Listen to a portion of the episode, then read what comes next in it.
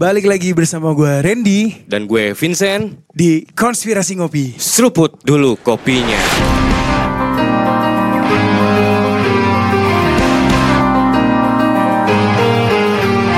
Melalui Sekretaris Jenderal WHO, beliau menyatakan perjanjian pandemi dapat menyatukan siapan dunia dengan virus X. Yes. Terkait bahaya dari undang-undang kesehatan ini, Pak.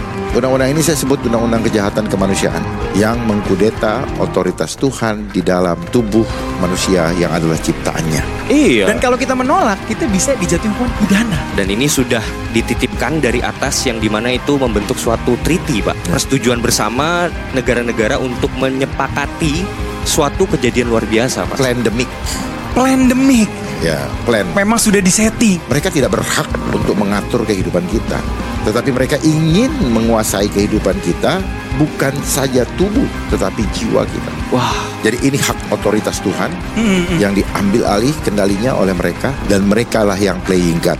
Nature generation kita, mereka rubah. Akhirnya seperti sekarang, merasa modern tapi budak. oke. Pilih yang mana? Merasa modern, Tapi Ya, budak. Tapi budak. Is sama seperti ngejual nyawa anaknya Hmm, kepada WHO. Indonesia suka tidak suka, kita harus menolak dengan tegas demi keselamatan keluarga kita semua.